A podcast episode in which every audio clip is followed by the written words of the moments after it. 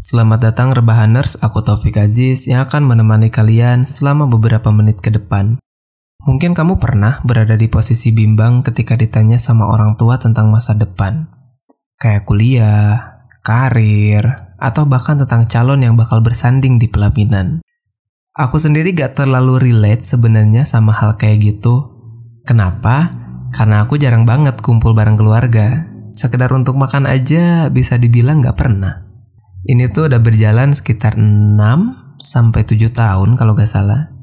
Cukup lama ya untuk ukuran aku yang tinggal gak terlalu jauh dari rumah. Sebenarnya bisa aja aku pulang tiap hari atau bahkan seminggu sekali. Tapi kadang yang namanya kerjaan siapa yang tahu. Eh, enggak deng, gak cuma kerjaan sebenarnya yang jadi penghalang. Rasa malas juga jadi faktor penting yang mempengaruhi aku buat susah pulang.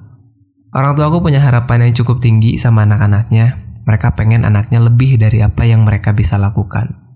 Sehingga mereka memaksakan idealisme mereka kepada anaknya, yang dampaknya gak kelihatan saat itu juga sih. Pokoknya yang aku rasakan efeknya tuh ternyata malah ketika aku uh, jauh dari mereka. Aku punya rasa cemas, tingkat kewaspadaan yang tinggi, bodoh amat sama orang lain, dan lebih batu. Ya, Aku lahir, tumbuh, dan berkembang di lingkungan dengan didikan orang tua yang cukup keras. Saat itu kayaknya gak ada kata salah ya dalam kamus bahasaku, karena selalu ada konsekuensi yang harus aku terima ketika melakukan kesalahan. Orang tua sering memberikan saran dan masukan yang menurut pengalamannya itu lebih baik daripada apa yang aku pilih atau aku tentukan sendiri. Di sini sering banget terjadi clash yang dialami sama mayoritas generasi Z dan orang tua yang termasuk generasi boomer. Sosok mereka sebenarnya jauh lebih berpengalaman dalam menjalani hidup. Mereka tahu apa yang seharusnya dicapai oleh anaknya agar bisa ngejar sejahtera ketika udah dewasa nantinya. Mereka tuh berusaha mengarahkan anak-anaknya ke arah yang lebih positif dan lebih sejahtera dibandingkan diri mereka dulunya. Tapi kadang banyak hal yang luput dari pandangan orang tua. Dunia ini cukup berubah dibandingkan 30 atau bahkan 10 tahun yang lalu. Perlu ada penyesuaian agar relevan, terutama soal pilihan jurusan kuliah dan karir.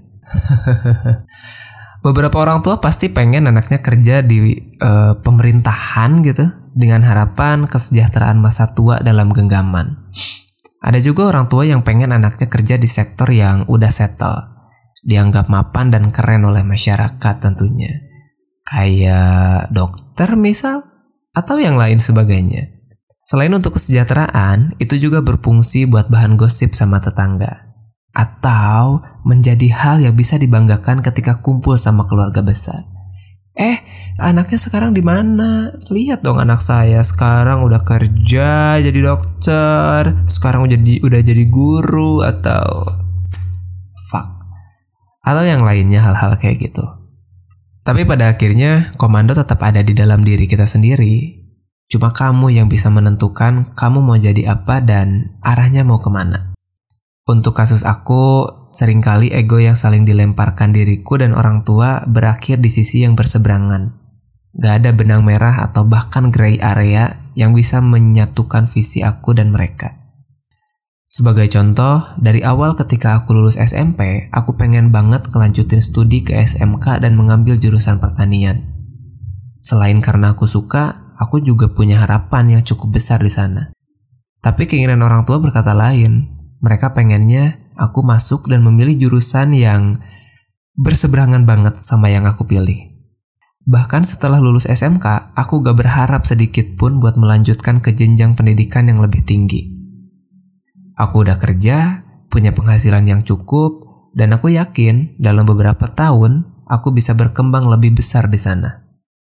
Tapi uh, mereka berkata lain. Ya kamu udah bisa nebak lah jarang ceritanya kayak gimana, gak perlu aku jelasin lagi kan. Dari sekian banyak pengalaman yang aku lalui, khususnya soal diskusi panas sama orang tua, Aku coba bisa bilang bahwa satu-satunya jalan paling ampuh untuk melunakkan hati mereka adalah mengiyakan segala bentuk permintaan mereka. Berat? Ya. Meskipun hal itu adalah hal yang sukar dan kayaknya mustahil gitu dituruti. Satu sih yang selalu aku pegang dari dulu sampai sekarang adalah restu itu nomor satu. Meski nyatanya saat aku udah mengiyakan apa kemauan orang tua, saat semua udah berjalan, aku akan struggling mati-matian. Cara ini nyatanya mampu membuat aku semakin mahir mencari celah untuk mungkin uh, belajar sesuatu yang bermanfaat ya dari setiap hal yang aku temui. Sedikit demi sedikit aku menyisipkan idealisme atau pandangan hidup aku kepada mereka. Aku percaya orang tua gak pernah mengharapkan sesuatu yang buruk terjadi pada anak-anaknya. Hampir setiap kali aku memutuskan untuk berhenti kuliah, tanpa sepengetahuan mereka tentunya, aku selalu ingat kalau membahagiakan orang tua adalah hal yang mulia di hadapan Tuhan. Makanya, meskipun berat aku jalani, pasti bakal aku selesaikan semua hal yang udah aku mulai dari awal. Jadinya, ketika aku dipaksa kuliah dengan jurusan yang aku gak pengen, aku selalu menyempatkan waktu untuk belajar hal baru yang emang pengen aku pelajari. Sampai akhirnya, aku bisa mendapatkan duit dari hal tersebut. Tentu saja tanpa sepengetahuan mereka, karena yang perlu mereka tahu adalah aku baik-baik aja. Intinya sih, kamu mending diam aja sebelum bisa membuktikan kalau apa yang kamu pilih itu benar.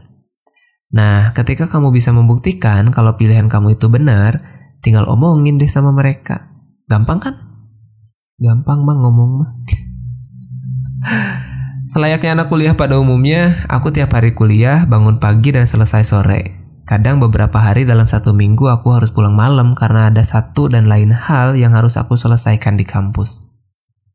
Malamnya aku habiskan untuk beralih ke dunia yang aku suka. Terus seperti itu sampai aku bisa lulus dan mendapatkan ijazah S1. Dan perlu kamu tahu, hari di mana aku di wisuda, aku hampir nangis. Ini sebenarnya cukup memorable banget sih. Cukup mengharukan buat aku dan mungkin buat mereka. Jika mereka senang karena bisa ngelihat anaknya lulus, di sisi lain aku senang karena banyak hal. Aku kayak orang yang dipenjara selama tujuh tahun, dan saat itu adalah hari di mana aku dibebaskan dan bisa menghirup udara segar di luar penjara. Andai saat di penjara aku berperilaku gak baik, mungkin akan ada tambahan masa hukuman yang aku terima sampai akhirnya aku bisa dibebaskan nantinya. Singkat aja, uh, sesaat setelah aku mengabulkan apa yang mereka pengen, aku kasih tuh semuanya sama mereka sebagai bukti kalau aku udah beresin semua yang mereka pengen. Karena itu semua adalah kemauan mereka, jadi aku bakal kasih itu semua ke mereka. Dan aku juga bilang kayak gini. Kurang lebih kayak gini lah. Tugasku udah selesai, dan ini yang kalian pengen. Sekarang, biarin aku ngelakuin hal yang aku pengen. Kalian jangan khawatir, karena didikan kalian bakal selalu aku ingat. Di setiap langkah yang bakal aku pijakan. Ya kurang lebih kayak gitulah.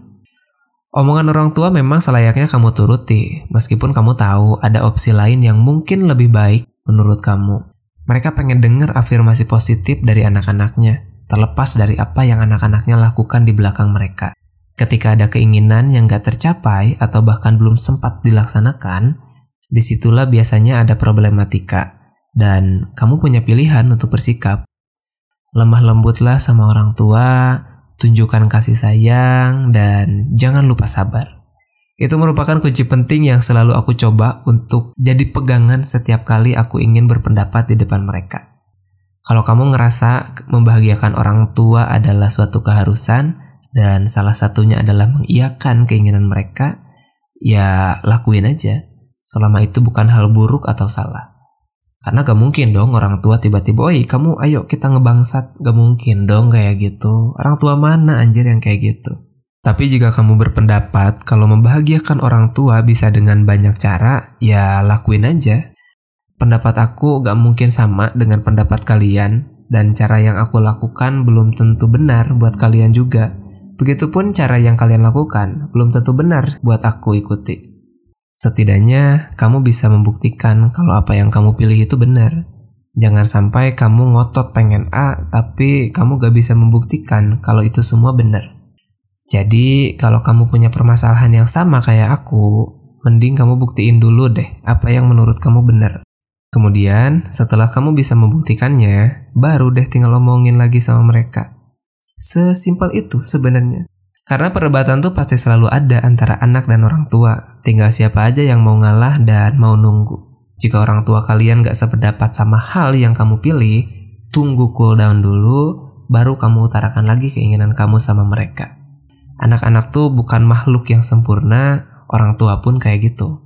Tapi setidaknya kamu berjuang untuk jalan yang kamu anggap benar dan baik. Ya udah, itu aja yang bisa aku sampaikan. Sampai jumpa di episode berikutnya. Semoga. Bye.